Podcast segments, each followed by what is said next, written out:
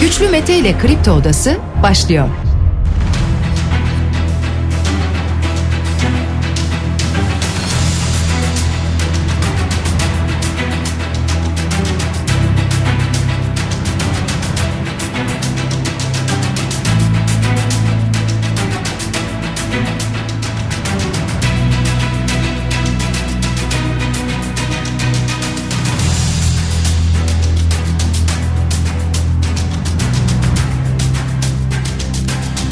...27 Şubat pazartesi sabahından kripto odasından tüm Türkiye'ye yurt dışında bizi dinleyen dinleyicilerimize günaydın. Hepinize iyi bir hafta dileyerek programımıza başlıyoruz. Bugün de kripto odasında saat 10'a dek sizlerle birlikte olacağız. Gündemdeki başlıkları değerlendireceğiz.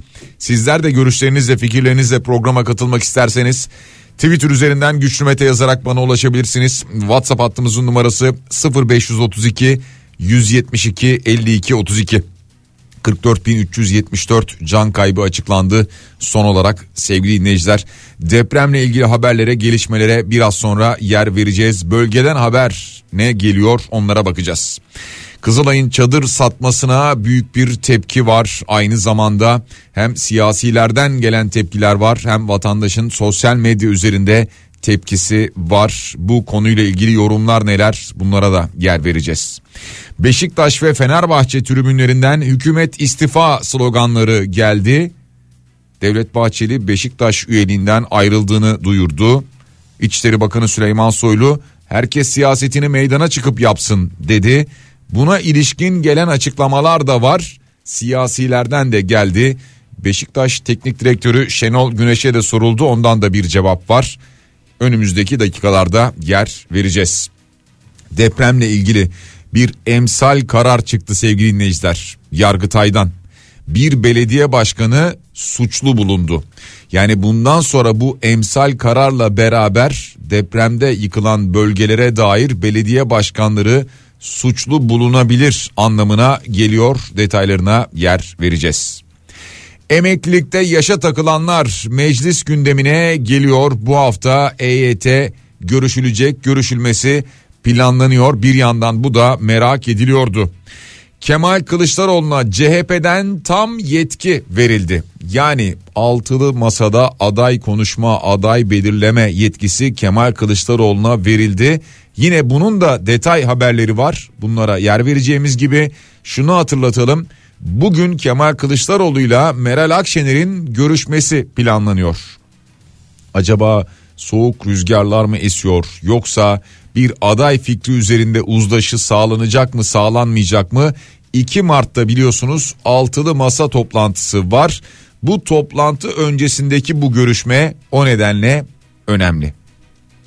Erteleme maçları vardı sevgili dinleyiciler Süper Lig'de. Kayseri Spor deplasmanda Giresunspor'u 2-1 mağlup etti. Fenerbahçe 4-0 galip geldi Konya Spor karşısında. Ümraniye Spor Adana Demirspor'la 1-1 berabere kaldı. Beşiktaş Antalya Spor'la 0-0 berabere kaldı.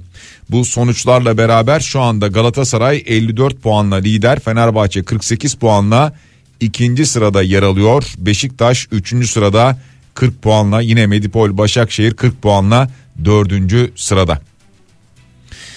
Dün İnönü Stadı'nda müthiş görüntüler vardı. Depremzede çocuklar için tribünlerden binlerce oyuncak sahaya atıldı. Hem izleyenler hem sahada bulunan futbolcular duygusal anlar yaşadılar. Hemen bir de döviz tablosuna bakalım. Haftaya nasıl başlıyoruz? Dolar 18 lira 80 kuruş civarında işlem görürken Euro 19.89 civarında. Yani 20 liranın altında şu anda Euro 19.89 civarında işlem görüyor. Gram altın 1097 lira, çeyrek altın 1763 lira. Bunlar serbest piyasada biraz daha yukarıdadır fiyatları. Borsa İstanbul'a baktığımızda bu haftaya 5000 puanın üzerinde başlayacak. Geçtiğimiz cumayı böyle kapatmıştı. BIST endeksi 5058 puanla başlayacak. Bitcoin'e baktığımızda da 23.395 dolar karşılığını görüyoruz Bitcoin'de sevgili dinleyiciler. Kısaca başlıklar böyle ama sadece bu kadar değil. Bunları detaylandıracağız sizlerden gelen mesajlarla birlikte. Şimdi önce deprem bölgesinden haberlerle başlayalım ardından biraz önce verdiğimiz diğer başlıklara da değineceğiz. Şimdi bu depremlerde hayatını kaybedenlerin sayısı az önce de söylediğim gibi 44.374 olarak açıklandı.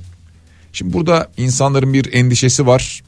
Bu sayı çok daha fazladır diyor herkes. En az iki katıdır diyor. Böyle bir böyle bir gerçeklik vardır deniyor. Ama sayılar neden bu kadar hızlı artmıyor? Bunu merak edenler var. Enkaz kaldırma çalışmaları bir yandan devam ediyor. Enkaz altında bulunanların daha doğrusu bulunabilenlerin bir yandan yakınlar onları teşhis ediyor. Ondan sonra bunlar işte bu veriler arasına dahil ediliyor. Bazıları var ki yakınlarını bulamıyorlar. Çok acı şeyler yaşanıyor bir yandan orada sevgili dinleyiciler. Halen devam ediyor bu acı. Biz e, mümkün olduğunca e, elimizi tabii ki e, gözümüzü, dikkatimizi bu bölgeden ayırmayacağız. E, oldu bitti 3 hafta geçti işte tamam artık yardım da yapıldı denilmeyecek denilmemesi lazım. E, insanlar daha şu an orada enkaz başında e, evlatlarının yakınlarının annelerinin babalarının cansız bedenlerine ulaşmaya çalışıyorlar. Bazen enkaz kaldırılıyor deniyor ki burada bir cansız beden bulamadık. Diyorlar ki yani burada bulamadınız da nerede o zaman? Ya burada yatıyorlardı gece. Acaba oradan bir ihtimal canlı çıktılar ve bir yere mi gittiler sığındılar? Yoksa enkaz arasında maalesef işte beden bütünlükleri kayboldu vesaire falan bu tip şeyler mi yaşandı? O yüzden mi denk gelinemedi? Büyük acılar şu anda büyük travmalar yaşanmaya devam ediyor bu bölgede. Bu arada şunu söyleyelim 10 bine yakın artçı sarsıntı meydana geldi denildi. En son dün gelen bilgi bu şekildeydi. Bir yandan da artçı sarsıntılar devam ediyor. Bazıları belki de sadece artçı da değil başlı başına bir deprem de olabilir. Mesela Adıyaman'da 5 büyüklüğünde bir deprem meydana geldi. Bu sabah saatlerinde 5.51'de 5 büyüklüğünde bir deprem meydana geldi. Bu depremler tamam 5 büyüklüğü belki çok büyük değil diyeceksiniz şu an yaşanana göre 7.8'e göre 7.6'ya göre evet ama yine de başlı başına bir deprem gibi değil mi? 5 büyüklüğünde bir deprem yaşadığınızı düşünsenize. Adıyaman'da böyle bir deprem daha yaşandı bu sabah saatlerinde. Şimdi depremlerde yıkılan binalarla ilgili tutuklananlar var. Bir yandan yürütülen soruşturmalar var. Bu soruşturmalarda tutuklananların sayısı 188'e yükselmiş. Yani yeterli mi? Değil herhalde. Daha da soruşturmalar devam edecektir öyle tahmin ediyorum ama Yargıtay'dan bir emsal deprem kararı geldi bakın. Çok önemli. Çünkü neden? Bundan sonra birçok belediye başkanını yani bölgesinde deprem olan olabilecek birçok belediye başkanını çok yakından ilgilendiren bir karardan bahsediyoruz. Yıkılan binanın yapı ruhsatını onaylayan belediye başkanı olan sanığın eylemini görevi kötüye kullanma suçunu oluşturduğuna hükmediyor Yargıtay. Yani netice itibariyle Yargıtay diyor ki bütün bu incelemeler, denetlemeler yapılıyor bina ile ilgili. Son olarak da bu binanın yapı ruhsatını onaylayan belediye başkanı. Madem ki böyle o zaman görevi kötüye kullanma suçu oluşmuş diyor. Bakın bu şu anki depremle ilgili değil. 2011'de Van depreminde yıkılan bina ile ilgili. Burada bu binaya yapı ruhsatı veren ilçe belediye başkanı suçlu bulunuyor. İşte önce onlar ağır cezada yargılanıyor vesaire falan derken işte Yargıtay'a gidiyor. Yargıtay'dan bu emsal karar çıkıyor. O nedenle bundan sonrası için diğer belediye başkanları için emsal oluşturacak olan bir karar. Yani bundan sonra bu illerde, bu ilçelerde denilebilir ki buranın imarına sen imza atmışsın son olarak. Bak Yargıtay'da da böyle bir emsal karar var. Dolayısıyla sen suçlusun denilebilir bundan sonra yargıda. Bu arada şunu da söyleyelim. Bir e, belediye başkanı tutuklandı. E, Gaziantep'in Nurdağ Belediye Başkanı Ökkeş Kavak tutuklandı. Bu yıkılan e, binalara ilişkin Nurdağ biliyorsunuz maalesef yerle bir oldu. Gaziantep'te Nurdağ'ında yıkılan binalara ilişkin soruşturmalar yürütülüyordu ki bu soruşturmalar sırasında ilçenin belediye başkanı Ökkeş Kavak tutuklandı. 2000'e yakın bina enkaz haline geldi. Yüzlerce kişi bu ülkede hayatını kaybetti. Şimdi Gaziantep'te aşağı yukarı 20'nin üzerinde bir tutuklama vardı zaten. Bunun dışında 80 ile 100 arasındaki kişi hakkında da yakalama kararı var. Birçok şehirde zaten yakalama kararları var. Önemli olan bazıları yakalanıyor bazıları yakalanmıyor. İşte o yakalanmayanlar daha sonra kaçarken de yakalanabiliyorlar. Zaman zaman bunların haberlerini veriyoruz sizlere. Bunları paylaşıyoruz biliyorsunuz. Depremden etkilenen 166.238 öğrencinin nakilleri yapıldı gerçekleştirildi. Bunu da Milli Eğitim Bakanı Mahmut Özer duyurdu. Zor yani biz burada bakın böyle haber olarak sayı olarak bahsediyoruz. 166.238 öğrencinin diğer illerdeki okullara nakilleri gerçekleştirildi diyoruz. Ha, e iyi tamam ya nakillerde gerçekleştirildi sorun yok gibi düşünemeyiz. Ne demek bulunduğu şehirden bulunduğu ilçeden başka bir ilçeye bulunduğu şehirden başka bir şehre öğrencinin nakli yapılıyor. Ne demek bu? Oraya gidip okuyacak. Aile, aile de oraya gidecek. Evler değiştirilecek, evler bırakılacak, şehirler, yaşanan merkezler terk edilecek. Gidecekler başka bir eve kiraya geçmeye çalışacaklar. Kiraya geçmeye çalışacaklar diyorum çünkü kira fiyatları aldı başını gitti. Bununla ilgili şu an dünyanın çeşitli ülkelerinden örnekler veriliyor. Efendim Avusturya modeli olsun, Hollanda modeli olsun, bilmem ne modeli olsun falan diye. E buna şu anda herhalde yetkililerin bir çözüm bulması gerekiyor değil mi? Ya insanlar şu anda 2-3 bin liralık evde oturanlar diyorlar ki biz bu evden çıkamayız çünkü çıkarsak 10 bin liraya 12 bin liraya veriyorlar kiraya. Ya 3-4 katına çıktı fiyatlar. Buna kim çözüm bulacak? Herhalde siz biz değil.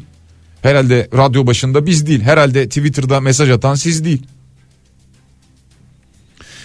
Sağlık Bakanı Fahrettin Koca'nın açıklaması vardı. Bu bölge için özellikle hatırlatalım. Nurdağ ve Islahiye'de şebeke suyu içilmemelidir, kullanılmamalıdır dedi. O nedenle Islahiye ve Nurdağ'da e, bizi dinleyen dinleyicilerimize, Gaziantep'te bizi dinleyen dinleyicilerimize bunu hatırlatmış olalım. Adana ile ilgili zaten bu mesajı öğrenciler biliyordur. Milli Eğitim Bakanı dedi ki 13 Mart'a ertelendi eğitim ve öğretime başlama tarihi.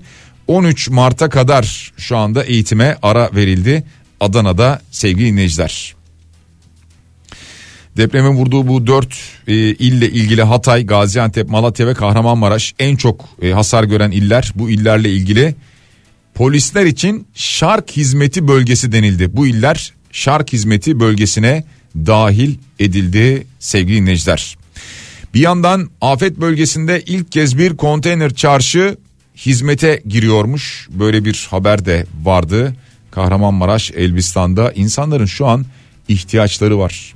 Yani konteyner çarşıya da ihtiyacı var, alışverişe de ihtiyacı var. Ha alışveriş yaparken şuna da ihtiyacı var. Bir indirime de ihtiyacı var. Depremzedeler ya. Ya adı üzerinde. Ya şu an oh ben rahatım çadırımı da verdiler ki o çadır konusuna da geleceğiz şimdi. Çadırımı da verdiler, konteynerimi de verdiler. Ben rahatım çıkarım, alışverişimi de yaparım. Oh diyecek halleri yok. Bu durumda değiller yani. Bu durumda olmaları için de çok uzun bir süreye ihtiyaç var. Bakın Kahramanmaraş'taki enkaz için sadece Kahramanmaraş'taki enkaz için en az bir buçuk ayda tamamlanır deniyor. Enkazı kaldırma çalışması. Şimdi e, işte şehirdeki depremin izlerini bir an önce sileceğiz falan deniyor da enkaz kaldırma çalışmaları bir buçuk ay en az. Sevgili dinleyiciler şimdi e, gelelim hafta sonunda tartışılan konular. Bir tanesi Kızılay çadırları konusu. Şimdi öncesinde şöyle bir haber geldi. Ahbap Derneği'ne Kızılay çadır satmış 46 milyon lira karşılığında diye. Önce böyle verildi bu haberler. Bir iddia var. İşte böyle bir şey iddia ediliyor falan dendi. Sonra Ahbap Derneği Haluk Levent bunu çıktı doğruladı. Kızılay sonunda çıktı bunu doğruladı. Ki Haluk Levent işte 46 milyon liraya Kızılay'dan çadır alınmasını kanuni ve doğru bulduğunu aktardı. Mümkün olduğunca spekülasyondan uzak durmaya çalışıyor Haluk Levent. Kendisini ve derneği buradan uzak tutmaya çalışıyor. Diyor ki biz o akşam herkes can derdinde soğuktan donarken bu çadırları satın almalı mıyız ya da almamalı mıyız? Lüksüne sahip değildik olamazdık da. Ve satın alıp bölgeye gönderdik. Yaptığımız her işlem kanuni ve doğru. Sonra öğrendik Kızılay Çadır ve Tekstil AŞ Kızılay'ın alt iştiraki olan tüzel kişilikmiş. Kızılay da bu şirketten çadırları faturalı satın alıyormuş. Ahbap da aynı yöntemle toplanan bağışlarla bu şirketten satın alma gerçekleştirmiştir. Zaten sitelerinde açıklama bulunuyor diyor. Da diyor da vatandaşın tepkisi var. insanların tepkisi var. Mesela neden önceden siz açıklamadınız sorusuna cevabı şöyle Haluk Levent'in. Hepinizi anlıyorum. Neden önceden siz açıklamadınız diyorsunuz bunu da anlıyorum. Bir eksiğimiz varsa yakında denetim raporlarında görünecekti. Ben en başta bu bölgede acı çekenleri düşünmek zorundayım. Bugün olsa inanın aynısını yapardık. Eleştiriliyoruz sizin canınız sağ olsun diyor. Yani neticede eleştiriye de açık bu konuda ama burada önemli olan şey şu. Burada önemli olan ahbap neden çadır satın aldı değil. Kızılay neden çadır sattı? Şimdi Kızılay da buna ilişkin açıklama yapıyor. Kızılay Başkanı Kerem Kınık'tan gelen açıklamalar oldu sevgili dinleyiciler. Yani neticede doğruluyorlar bunu. Kızılay Çadır Türkiye Kızılay Cemiyeti'nin bir iştirakidir ve 12 ay kesintisiz üretim yapan dünyanın sayılı afet çadırı üreticilerinden birisidir diyor. Ve asgari çadır stok seviyesini garanti eder diyor. Bundan bahsediyor. Ve diyor ki barınma hizmet kümesi sorumlusu olan AFAD'ın kendisinden tedarik etmek için sipariş verdiği sayıda çadırı istenilen zamanda imal eder diyor. İşte üretir diyor anlatıyor vesaire falan devam ediyor. Ahbap Derneği de Kızılay'ın yurt dışı bir kuruluş için ürettiği logosuz 2050 çadırı afetin ilk günlerinde Kızılay çadırdan maliyetine tedarik ederek AFAD'ın gösterdiği yere sevk edip depremzedelerin hizmetine sunmuştur diyor. Kızılay Çadır AŞ Ahbap Derneği'nden aldığı kaynağı çadır ham madde tedariği için ayırmış ve üretilecek çadırları da Kızılay aracılığıyla ücretsiz olarak depremzedelerin istifadesi için planlamıştır diyor. Ahbap ve Kızılay'ın işbirliği ahlakidir, akılcıdır, yasaldır diye bir açıklama yapıyor. Şimdi ahlakidir, akılcıdır, yasaldır bilmiyorum. Belli, belli ki bir yasal zemini var bunun anlaşıldı. Yani bir dernek var bir tarafta diğer tarafta bir tüzel kişilik var anonim şirketini kurmuşlar.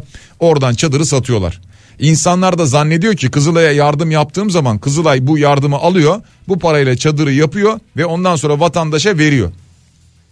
Buradan anlıyoruz ki bu tamamen böyle işlemiyor.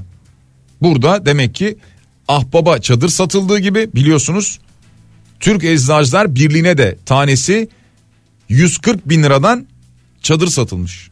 Türk Eczacılar Birliği'ne de satılıyor ki Eczacılar Birliği oraya gidiyorlar. Ee, böyle sahra eczaneleri diyelim eczaneleri kuruyorlar ki insanlara ilaç verebilsinler. ilaç ulaştırabilsinler. Asıl hedefleri amaçları bu. Onlara da tanesi 140 bin liradan çadır satılıyor. Biz de diyoruz ki Kızılay'a bağış yapıyoruz işte AFAD'a bağış gönderiyoruz o ne güzel bu bağışı yaptığımız zaman e, onlar çadır üretiyor yemekleri organize ediyor bunların hepsinin organizasyonu yapılıyor ve insanlara bedava bu şekilde ulaştırılıyor. Hayır biz yardım yapıyoruz bununla belki çadır üretiliyor ama daha sonra bu çadır satılıyor. Bu tip zamanlarda. İşte bakın işin kötüsü ne biliyor musunuz? Bunu ister kabul etsinler ister etmesinler. İşin kötüsü şu. Vatandaş arasında, insanların arasında, insanların içinde kafalarda büyük soru işaretleri doğuruyorsunuz. Ve bu büyük soru işaretleri nedeniyle de insanlar maalesef bizim can kurumlarımızdan bir tanesiyle ilgili olumsuz düşünmeye başlıyor. Hayati kurumlarımızdan birisiyle ilgili. Her dönem yanında olduğumuz her dönem yanımızda olduğunu umduğumuz kurumlarımızdan biriyle ilgili insanlar olumsuz düşünüyor. Gidip kan bağışı bile yapmıyorlar. Seneler içerisinde bakın evet bir dönem pandemi girdi araya vesaire falan ama buradan yayınlardan da hep ben söyledim. Dedim ki ya lütfen bazı şeyleri farklı tutalım. E, kan bağışı önemli. Yani şöyle düşünün şu anda birçok hasta var. E, kan bekleyen, ameliyata girecek olan, e, kaza geçiren, acil hastalar, yoğun bakım hastaları, Birçok hasta var kan bekleyen şu anda. Ama insanlar artık kurumlardan bu şekilde soğumaya soğutulmaya başlandılar.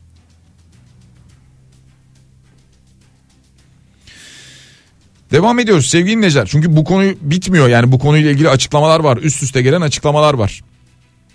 Mesela Kemal Kılıçdaroğlu Erdoğan'a bir mesaj gönderdi. Dedi ki Erdoğan Kızılay'la ilgili depremzedelere hakaret ediyordun. Sahi sen ne diyordun dedi. Erdoğan'ın sözlerini bu terbiyesiz, ahlaksız, namussuz, adi demesini hatırlattı. Bir videosunu paylaştı. Meral Akşener Türk Kızılay'ını paranın gücüyle insanını yalnız bırakan, bin bir dümen kurup içini boşaltan bir anlayışa mahkum ettiniz yazıklar olsun dedi. Kızılay'ın siyaset üstü, partiler üstü olması lazım. Kızılay'ın tamamen vatandaşın insanın yanında olması lazım. İnsanın hiç ideolojisine, fikrine, diline, dinine, ırkına hiçbir şeyine bakmadan yanında olması lazım.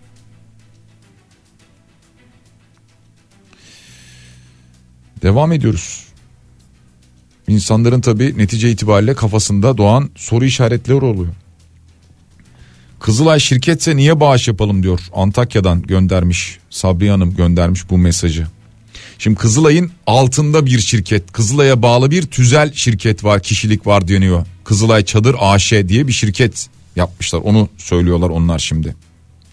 Buradan anlıyoruz ki Kızılay kendinden daha çok ahbaba güveniyor demiş bir başka dinleyicimiz.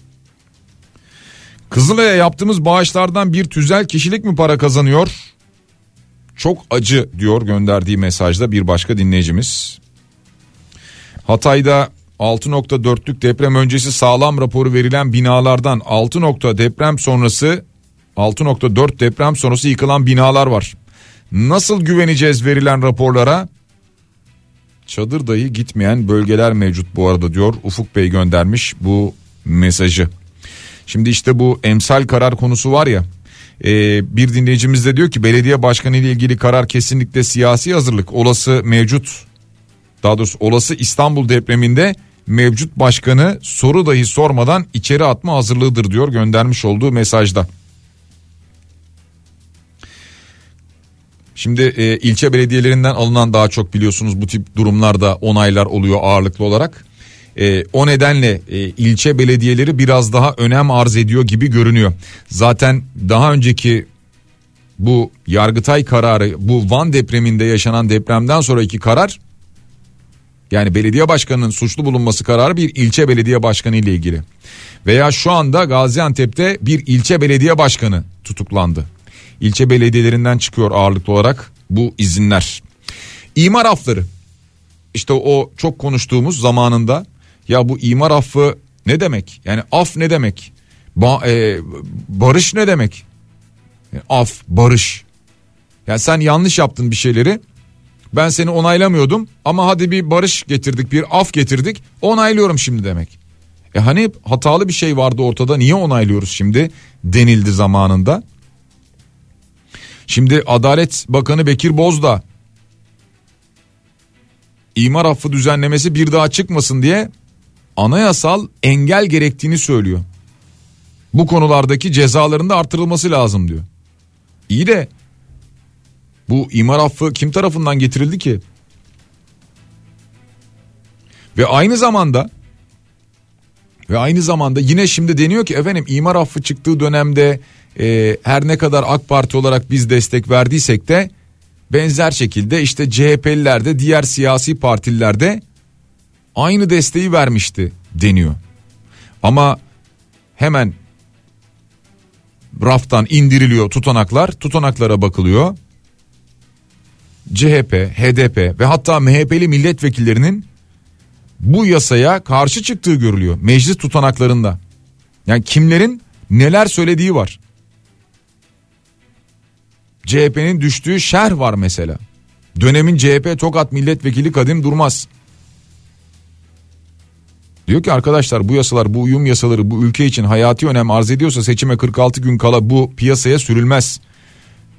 Bu aynen çıkmak üzere olan yumurtanın şey aradığı gibi olur ve sağlıklı olmaz. Bu torba yasalarla bir gelenek haline getirip bu parlamentoya kalitesiz yasaları çıkarma alışkanlığını siz ne yazık ki ihdas ettiniz diyor. İşte devamı var birçok milletvekili HDP'li Garo Paylan mesela o dönemde imar affı döneminde söz alıyor. Diyor ki imar affı ile ilgili de bir hatırlatma daha yapayım çünkü vebali boynunuzu olacak onu söyleyeyim. Biz muhalefet edeceğiz. Biz elbette vatandaşlarımızın mülkünün bir barınma hakkı çerçevesinde kayıt altına alınmasını sonuna kadar destekliyoruz. Ama barınma hakkıyla rantiyeci ayırmazsanız böyle varlık barışı olmaz arkadaşlar diyor. O binalar bir depremde yıkıldığında binlerce, on binlerce, yüz binlerce insanımız hayatını kaybedebilecek diyor. MHP'den Mersin Milletvekili Baki Şimşek yani imar affının kapsamı içerisinde biz bir takım şeyleri destekliyoruz ama bu şekilde gelmesini de doğru bulmuyoruz diyor. Bir de İstanbul Boğazı yani en hassas yer. Biz bu şekilde karşı olduğumuzu belirtiyoruz diyor. Yani MHP'nin, HDP'nin, CHP'nin düştüğü şerhler var, açıklamaları var kayıtlarda, tutanaklarda. Şimdi deniyor ki işte o dönem hep beraber imzalamıştık. Ama işte o tutanaklar niye var? Orada her şey yer alıyor ki kim ne demiş? Yıllar sonra bu konu gündeme geldiğinde ortaya çıksın diye. Devam ediyoruz sevgili dinleyiciler. Profesör Doktor Naci Görür diyor ki İstanbul depreme hazır mı derseniz cevap hayır diyor. Ya bunu zaten hepimiz tahmin ediyoruz değil mi? Ee, şimdi bu yapı denetimleriyle ilgili başvurular var ya buna ilişkin açıklamalar da geliyor. Deniyor ki ülke genelinde yüzde yirmi İstanbul genelinde yüzde kırk yapı denetime bakıldığında bu oranlarda aslında kalitesiz yapılar olduğunu görüyoruz diyorlar. Yani İstanbul genelinde yüzde 40 oranında kalitesiz yapı olduğunu görüyoruz diyorlar. Bunlar ne zaman düzelecek? Yeni bir deprem olduğunda değil mi? Yani İstanbul yıkılacak. Ondan sonra yıkıldı. Ee, giden gitti kalan sağlar bizimdir. Yeniden bir yapılanma yapalım mı diyeceğiz. Herhalde böyle olacak yani. Sevgili dinleyiciler şimdi hafta sonu önce Fenerbahçe'nin Konya maçında tribünlerin tezahüratları ardından dün Beşiktaş'ın maçında Beşiktaş'ın Antalya Spor maçında yine tribünlerin sloganları tezahüratları bunlar gündeme geldi ve bunlarla beraber siyaset de hareketlendi. Bunlardan da bahsedeceğiz. Yani tribünlerde yapılan bu tezahüratlar, buna ilişkin e, Devlet Bahçeli'nin tepkisi, e, Süleyman Soylu'nun açıklaması, Şenol Güneş'ten gelen açıklama. Keza kim neler söylüyor buna dair bunlara da bakacağız. Ama bir önce ara vereceğiz. Kısa bir aramız var. Çok kısa bir aramız var. Hemen ardından yeniden buradayız. Kripto Odası devam ediyor sevgili dinleyiciler. Reklamların ardından yeniden sizlerle beraberiz. Gündemdeki başlıkları değerlendiriyoruz. Ne dedik? Önce Fenerbahçe tribünlerinden gelen sloganlar. Ardından Beşiktaş tribünden gelen yine benzer şekilde istifa sloganları. Tüm bunlar konuşuluyor. E, tüm bunlar konuşuluyor. Seyirci reaksiyon gösteriyor, tepki gösteriyor. Hükümet istifa sesleri var veya işte yalan yalan yalan dolan dolan dolan istifa et şeklinde marşlar söyleniyor, şarkılar söyleniyor, tepkiler gösteriliyor. Ardından Devlet Bahçeli kanadından bir açıklama geliyor sevgili dinleyiciler. Diyor ki Türkiye'miz son yüzyılın en büyük deprem felaketiyle mücadele halindeyken Fenerbahçe Konya Spor Futbol müsabakası esnasında tribünden istifa sloganlarının atılması sorumsuzluk ve şuursuzluktur diyor. Hatta daha sonra devam ediyor işte dün için yazıyor bunu. Bugün oynanacak Galatasaray, Alanya Spor'la Beşiktaş, Antalya Spor kulüpleri arasındaki müsabakalarda aynı şekilde istifa seslerinin yükselmesi halinde futbol kulüplerimizin oyuna geldiği tuzağa düştü de netleşmiş olacaktır. Bütün kulüp başkanlarının müsabakaların ya seyircisiz ya da gerekli tedbirlerin alınarak oynanması hususunda acil ve gerekli adımları atmaları kaçınılmaz görevleridir diyor. Türk futbolunu zillet ve rezalete mahkum etmek isteyenlere göz yummak, alttan almak, sessiz durmak geldiğimiz bu aşamada mümkün değildir diyor. MHP'den açıklama geldi. MHP ülkemizin böylesi hassas ve acılı günlerinde sporun kirli siyasete alet edilmesini şiddetle kınamaktadır diye bir açıklama yaptı. Ve biliyorsunuz Bahçeli ile ilgili de şu açıklama geldi. Bahçeli'nin de Beşiktaş üyeliğinden ayrıldığına dair. Şimdi e, Bahçeli'nin kendi kararıdır. Ben de Beşiktaş'ın e, senelerdir kongre üyesi son yıllarda da aynı zamanda e, divan üyelerinden birisiyim. Biz de gidip e, orada oylarımızı kullanıyoruz, e, görüşlerimizi belirtiyoruz, ifade ediyoruz. Şimdi Beşiktaşlık veya takım tutmak böyle bir şey değil ki. Yani bu başka bir şey. Siz taraftara kızıp kulüpten niye ayrılıyorsunuz mesela? Taraftarın tamamı değil bir bölümü bir tezahürat yaptı diye mesela kulüpten niye kopuyorsunuz? Bu başka bir şey. Ya bu işin biraz gösteriş kısmı gibi görünüyor açıkçası. Kimse alınmasın darılmasın. Yani e, Devlet Bahçeli bugün Beşiktaş kulübü üyeliğinden ayrılmış. Yarın diyelim ki ben ayrıldım öbürü ayrıldı biri ayrıldı neyse. Ne olacak yani? yani kulüp bundan bir zarar görmez onu demek istiyorum.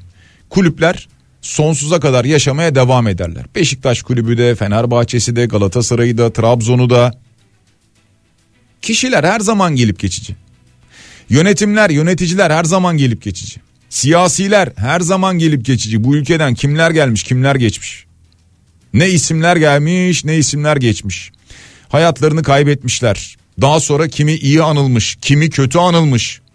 Kiminin ismi caddelere sokaklara verilmiş ama hayatını kaybettikten sonra aradan zaman geçmiş o isimler oradan kaldırılmış silinmiş atılmış unutulmuş.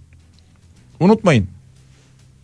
Burada da bakın devlette devamlık esas devlet devlet sonsuza kadar Türkiye Cumhuriyeti Devleti sonsuza kadar özgür bağımsız cumhuriyet rejimiyle birlikte yönetimiyle birlikte demokratik laik bu şekilde hayatına tabii ki devam edecek. Devlet içerisinde devleti yönetenler onlar ne oluyor? İşte mesela hükümet yetkilileri. Mesela işte dolayısıyla bunlar içerisinde kimler var? Bakanlar var, milletvekilleri var, meclis üyeleri var. Diğer siyasi partiler var. Bunların hepsi gelip geçici. Bugün varsınız, yarın yoksunuz. Hepsi için geçerli. Öyle değil mi? Hepsi bunu bilmiyor mu? Ama o koltuğa oturunca iş değişiyor herhalde hiç oradan ayrılmayacakmış gibi düşünüyorlar. Devlet Bahçeli'nin bu ayrılmasına ilişkin Gürsel Tekin'in CHP'den Gürsel Tekin'in bir açıklaması var. Diyor ki bu gece Büyük Beşiktaş camiasından ayrılarak Beşiktaşlara büyük sevinç ve gurur yaşatan başta Devlet Bahçeli olmak üzere tüm muhteremlerin yıllık aidatlarını ben Beşiktaş'a bağışlayacağım diyor. Milletimizin sesi olan tüm Beşiktaşları bir kez daha tebrik ederim diyor. Ahmet Davutoğlu diyor ki tribünler hükümet istifa istifa dedi. Bahçeli yine yanlış anladı. Beşiktaş üyeliğinden istifa etti diyor. Muharrem İnce Beşiktaş'tan istifa edeceğine AKP'den istifa et Bahçeli diyerek tepki gösteriyor. Ee, Özgür Özel'den de bir tweet vardı da gördüm. 44.374 ölüm var. 100 bin yaralı var. 173 bin yıkık ve ağır hasarlı bina var. Çadır yok, devlet yok. Bir tek istifa yok dedik. Bizi bir kişi anladı, o da yanlış anladı diyor. Devlet Bahçeli'nin istifasına ilişkin böyle bir açıklama yapıyor. Şimdi Devlet Bahçeli'nin 2016 yılında atmış olduğu tweet çok konuşuluyor değil mi? Ne diyor? Çarşı grubu Beşiktaş'ın gür ve cesur sesidir. Çarşı haksızlığa gelmez, yalana boyun eğmez. Çarşı centilmendir, siyasi faalleri kabul etmez diyordu 2016'da. Şimdi aleyhte bir şey olunca tukak oldu. Ee, vatandaştan yani şimdi bırakın Beşiktaş'ı, bırakın Fenerbahçe'yi, Galatasaray'ı neyse. Şimdi vatandaş sonuçta değil mi oradaki? Yani üzerindeki formayı çıkart. Yani taraftarlığı çıkart. Sokağa çıkar çıkmaz vatandaş değil mi? Halk değil mi? Millet değil mi? Ya milletten korkuyoruz. Halktan korkuyoruz. Vay sen nasıl olur da istifa et dersin. Ya insanlar bir siyasi partiye, e, iktidar partisine, hükümete veya bir başka partiye, bir muhalefet partisine tepkilerini gösteremezler mi? Küfür ya da hakaret etmedikleri sürece. Şimdi e, Devlet Bahçeli'nin seyircisiz maç önerisi Şenol Güneş'e soruldu. Beşiktaş teknik direktörüne soruldu. İşte o da büyük bir acı yaşandığını söyledi. Ardından şunu söyledi. Dedi ki kavgayı hiç doğru bulmuyorum. Daha fazla el ele vermek gerekir. Bunların hepsi tartışmalıydı. Maçların oynanması ya da seyircisiz oynanması. Şu anda bir şeyler söyleyerek gündemi değiştirmek istemiyorum. Konuşulacak konulardır. Her görüşte bir suçlama, aşağılama, yok etme bunlardan sıyrılmamız lazım. Hepimizin bir araya gelmesi lazım. Bazı kelimeler anlamını kaybetti diyor. Ülke olarak kendi düşmanımızı yaratmadan bunları bertaraf edebiliriz umarım diyor. Ya umarım bunu yapabiliriz ama şu anda yapamıyoruz.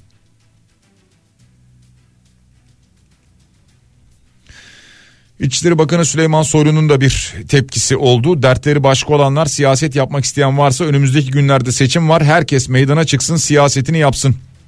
Ama spor alanlarını siyaset meydanına çevirmek isteyenler biraz devletin, milletin, sivil toplum kuruluşlarının ortaya koyduğu çabaya kulak versinler. Burada insanlar yaşıyorlar ve burada yeni bir hayatı oluşturmak için çaba sarf ediyorlar. Millet seçimde kararını verecektir diyor. İşte asıl şu kısmı doğru. Millet seçimde kararını verecek değil mi? Yani seçim yapılacak. İnşallah adil, demokratik, güvenliğe alınmış bir seçim gerçekleştirecek ve millet o sandıkta bugüne kadar olduğu gibi o sandık başında yine millet kararını verecek. Evet. Ama millet hiç mi sesini çıkarmasın mesela? Yani e, rahatsızlığını hiç mi dile getirmesin mesela vatandaş? Hiç mi endişesini, şikayetini gündeme getirmesin? Ya bu mu isteniyor? Maçlar seyircisiz oynansın denecek kadar mı isteniyor yani? Aman zaten sokağa çıkamıyor. Şimdi vatandaş dinleyicimiz yazıyor. Diyor ki meydana çıksınlar, meydanda siyaset yapsınlar deniyor ama diyor. Meydana çıkmamıza da izin verilmiyor ki diyor. Şimdi bu nedenle insanlar diyor ki biz zaten meydana çıkamıyoruz. E, bir araya geldiğimiz bir yer bir tek maçlar olabilir. Türkiye'de bir tek o kaldı çünkü değil mi? Ya bir araya gelinebilen yerler nereler? Buralar. İşte basketbol maçı ne bileyim e, futbol maçı falan. İşte orada da mı bir araya gelinsin istenmiyor? Yani insanlar hep bir araya gelip hep birlikte görüşlerini bir slogan halinde atmasınlar. Şimdi maç seyirsiz mi oynanacak mesela bundan sonraki maçlar? Şey dönemi güzelmiş değil mi o zaman pandemi dönemi? Yönetim takımı kötü yönetirse yönetim istifa denir diyor. Ki yönetim istifa sloganları dün mesela Beşiktaş'ın maçında da vardı. E, bu yüzden mesela Beşiktaş kulübü bundan sonra seyircisiz mi oynatacağız diyecek maçları. Dinleyicimiz diyor ki yönetim istifa denir. Devlet iyi yönetilemezse hükümet istifa demeyelim mi diyor göndermiş olduğu mesajda. Yani kendi görüşü olarak. İmar affı AKP tarafından desteklenmedi. Bilakis AKP kendisi çıkardı. Laf cambazlığı yapmasınlar diyor Ergin Bey göndermiş. Bu ülkede maalesef büyük sorunlardan biridir. Kurumlarla kurumları yönetenleri karıştırmak, devletle hükümeti karıştırmak gibi. Kan vermek hem sağlıklı hem de gerekliliktir. Kavramları karıştırmamak lazım diyor. Evet biraz önce bundan bahsettim. Yani ama o kurumların içleri o kadar boşaltılıyor ki öyle hatalar yapılıyor ki bunları yapmayın. Bu hataları yaptıkça insanları maalesef yönettiğiniz kurumlardan soğutuyorsunuz. Yapmayın. Kızılay'ın elindeki çadırları depremden sonra kendi kullanmayıp bir gün bile elinde tutması skandalken bir de bunları satmaya kalkıyor çürümüşlüğün resmidir diyor. Serdar Bey göndermiş bu mesajı. Bir Fenerbahçeli olarak teşekkürler Beşiktaş çarşı diyor Mehmet Bey göndermiş mesajı. Hafta sonu bunu o kadar çok gördüm ki ben. Yani Fenerbahçe'nin maçından sonra Fenerbahçe tribünlerindeki sloganlar bundan sonra Beşiktaşların atmış olduğu olumlu mesajlar. Ee, Beşiktaş'ın özellikle yapmış olduğu şu oyuncak şov ki müthişti. Yani o anı izleyip de e, duygulanmayan birisi olmamıştır diye düşünüyorum. Yani herkes tabii ki e, gözyaşını doldurup ağlamak zorunda değil ama gerçekten çok duygusal anlardı. Binlerce oyuncak aynı anda deprem 4.17'de gerçekleşti diye 4. dakika 17. saniyede oyuna ara verilerek hiç durmadan aralıksız çok uzun süre tribünden sahaya atıldı. Binlerce oyuncak toplandı ve o oyuncaklar belli ki orada stada giderken o yollarda oralarda satılmış olan oyuncaklar hepsi ağırlıklı olarak yeni ve birbirine benzer oyuncaklardı. Belki görmüşsünüzdür o işte peluş ayılar vesaire falan. Yeni alınmış ve orada tribünden binlerce oyuncak atıldığı an. İşte güzel günler göreceğiz çocuklar marşlarını söylediği sırada Beşiktaş taraftarı veya aynı zamanda memleketim şarkısı çalındı o sırada. Yani istediğimiz zaman bir araya gelebiliyoruz da bu öfke niye? Sonra diyorlar ki diyor dinleyicimiz Kızılay veya AFA'da değil de ahbaba yardım yapıyorsunuz diye soruyorlar. Ben sana bağış yapıyorum kamu kaynaklarından pay alıyorsun ve benim ihtiyacım olduğunda benim yanımda olmuyorlar diyor. Böyle bir şikayeti var dinleyicimiz. Yarın diyor bir savaş çıksa herhangi bir devlet kurumu vatandaşına silah mı satacak diyor. Semih Bey göndermiş bu mesajı. Sevgili dinleyiciler şimdi kurumlarla kurumları yönetenleri karıştırmayalım. Ben bilmiyorum az önce bir Kızılay spotu mu girdi? Herhalde öyle bir şey olmuş dinleyicimiz e, diyor da veya ara ara giriyor bunlar. Şimdi bakın kurumların e, bize göndermiş oldukları radyo televizyon üst kurul tarafından gönderilen ve yayınlanması şart olan spotlar var. Bu onlardan bir tanesidir. Şu an duyduysanız daha sonra duyacaksanız her neyse veya daha önce duyduysanız her neyse. Bunları duyarsınız. Yani zaman zaman bu tip kurumlarla ilgili radyo televizyon üst kurul tarafından radyolara televizyonlara gönderilen ve yayınlanması zorunlu olan sayısıyla adediyle saatiyle zorunlu olan spotlar var. Bunları duyuyor olabilirsiniz. Bir kez daha söylüyorum ama kurumlarla kurumları yönetenleri lütfen karıştırmayalım. Yani e, evet yani şu an çadır olayı inanılmaz bir olay. Ya insanın aklı hayali gerçekten almıyor ama bir yandan da şunu da unutmayalım ki şu anda hastanelerde yatan binlerce on binlerce insan var kan bekliyorlar. Bunları lütfen birbirinden ayrı düşünmeye çalışalım.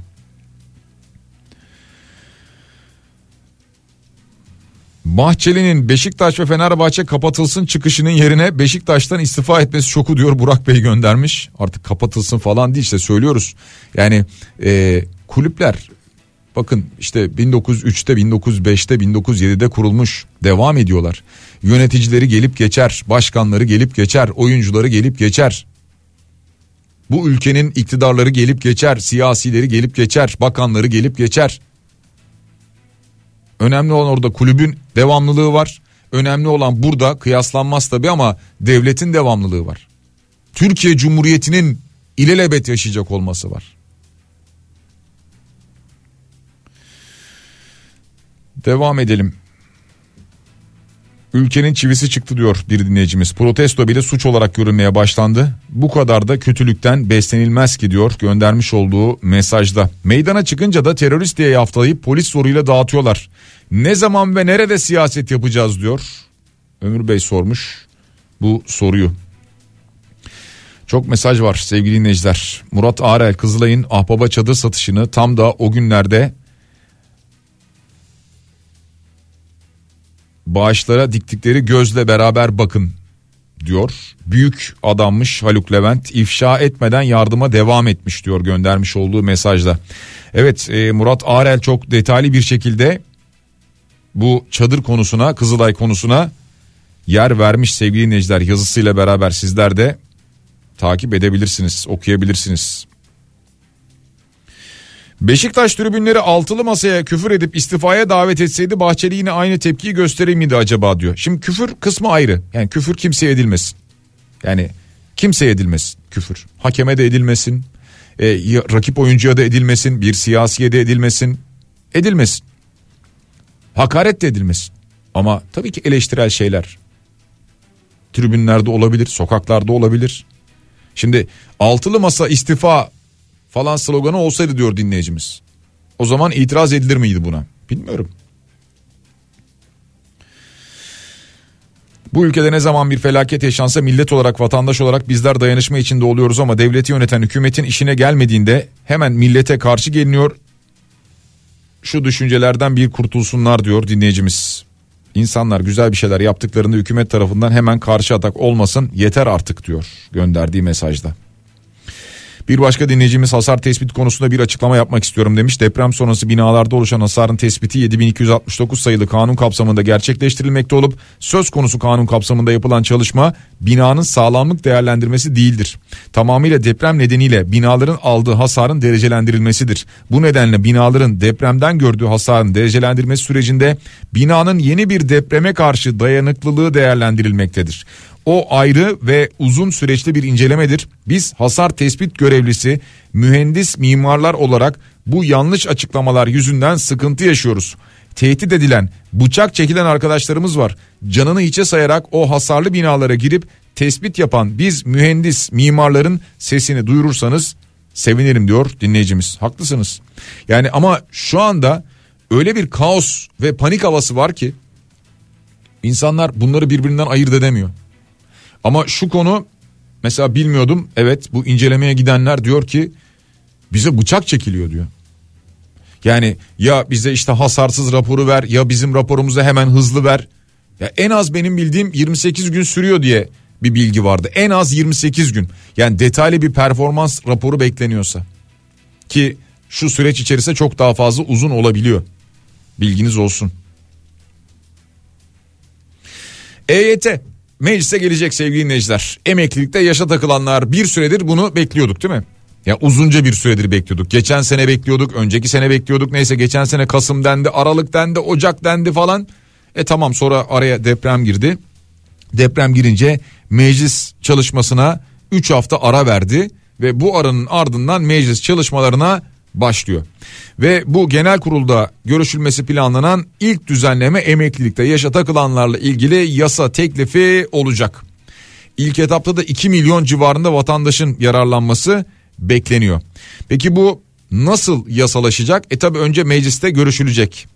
Salı günü de yani yarın da bunun kabul edilmesi bekleniyor. Yani meclis yarın açılacak ve muhtemelen kabul edilecek EYT yasa teklifi ve yasalaşacak. Ee, daha sonrasında işte önemli olan birçok kişi şunu merak ediyor.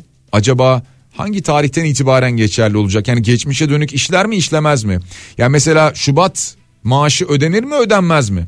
Yoksa yarın yasalaşırsa yarın kabul edilip gece yayınlanırsa 1 Mart'tan itibaren geçerli kazanır ve insanlar Mart başından itibaren mi EYT'liler bu haklarını kullanabilir maaşlarını alabilirler. En çok merak edilen konu daha çok bu. Şimdi sevgili dinleyiciler altılı masadan biraz önce bir dinleyicimiz e, mesaj atınca bahsedince hemen biz de bahsedelim. E, ayın ikisinde 2 Mart tarihinde bir toplantı gerçekleşecek. Altılı masanın siyasi liderleri bir araya gelecekler. Bir toplantı gerçekleştirecekler. Bu toplantıda aday konuşulacak mı? Şimdi öyle ya aslında 13 e, Şubat tarihinde biz aday konuşuruz demişti Kemal Kılıçdaroğlu ama işte deprem oldu maalesef. Öyle böyle bir deprem de değil. Deprem oldu ardından e, Türkiye 3 hafta kadar e, her şeye neredeyse ara verdi. Tamamen depremzedelere yardım, bağış, konu, gündem tamamen böyle oldu. Şimdi yeniden siyasete ufak ufak dönülüyor. Yeniden yaşama yavaş yavaş dönülüyor. Dönülüyor ki o bölgenin de aslında kalkınması için yeniden hayata dönmek lazım. Ticarete, ekonomiye dönmek lazım. Psikolojiyi biraz toparlamak lazım. O bölge insanı için de bu gerekiyor. Şimdi siyasete dönüldüğünde acaba altılı masa 2 Mart tarihinde adayını açıklar mı? Veya adayı kim olur? Şimdi en çok bu konuşulurken CHP milletvekillerinden adaylık konusunda Kemal Kılıçdaroğlu'na tam yetki verildiği belirtildi bir defa. Tam yetki verildi. Bu açıklandı. Yani deniyor ki Cumhurbaşkanlığı adaylığı ve seçim sürecinde tam yetkilidir. Masaya oturduğunda CHP adına adaydan bahsedebilir, aday önerebilir, aday konuşabilir, aday çıkartabilir. Bu bu manaya geliyor. Hatta ve hatta şöyle söyleyeyim. Özgür Özel diyor ki yani altılı masanın iradesine saygımız var. Ama aslında Cumhurbaşkanı adayı ismi konusunda da uzlaştık diyor. Ee, hatta ve hatta işte bunu da Kemal Kılıçdaroğlu'nun bu metin içerisinde olmasını istemediği bilgisi var. Yani CHP liderine partimizin adayı sizsiniz demişler ama işte parti meclisi de oy birliğiyle çünkü bunu önerdi, kabul etti. Ama Kemal Kılıçdaroğlu bunu oraya yazmayalım demiş. Bu cümleyi ekletmemiş. Yani CHP'nin adayı, parti meclisinde adayı Kemal Kılıçdaroğlu'dur şeklindeki bir metni istememiş.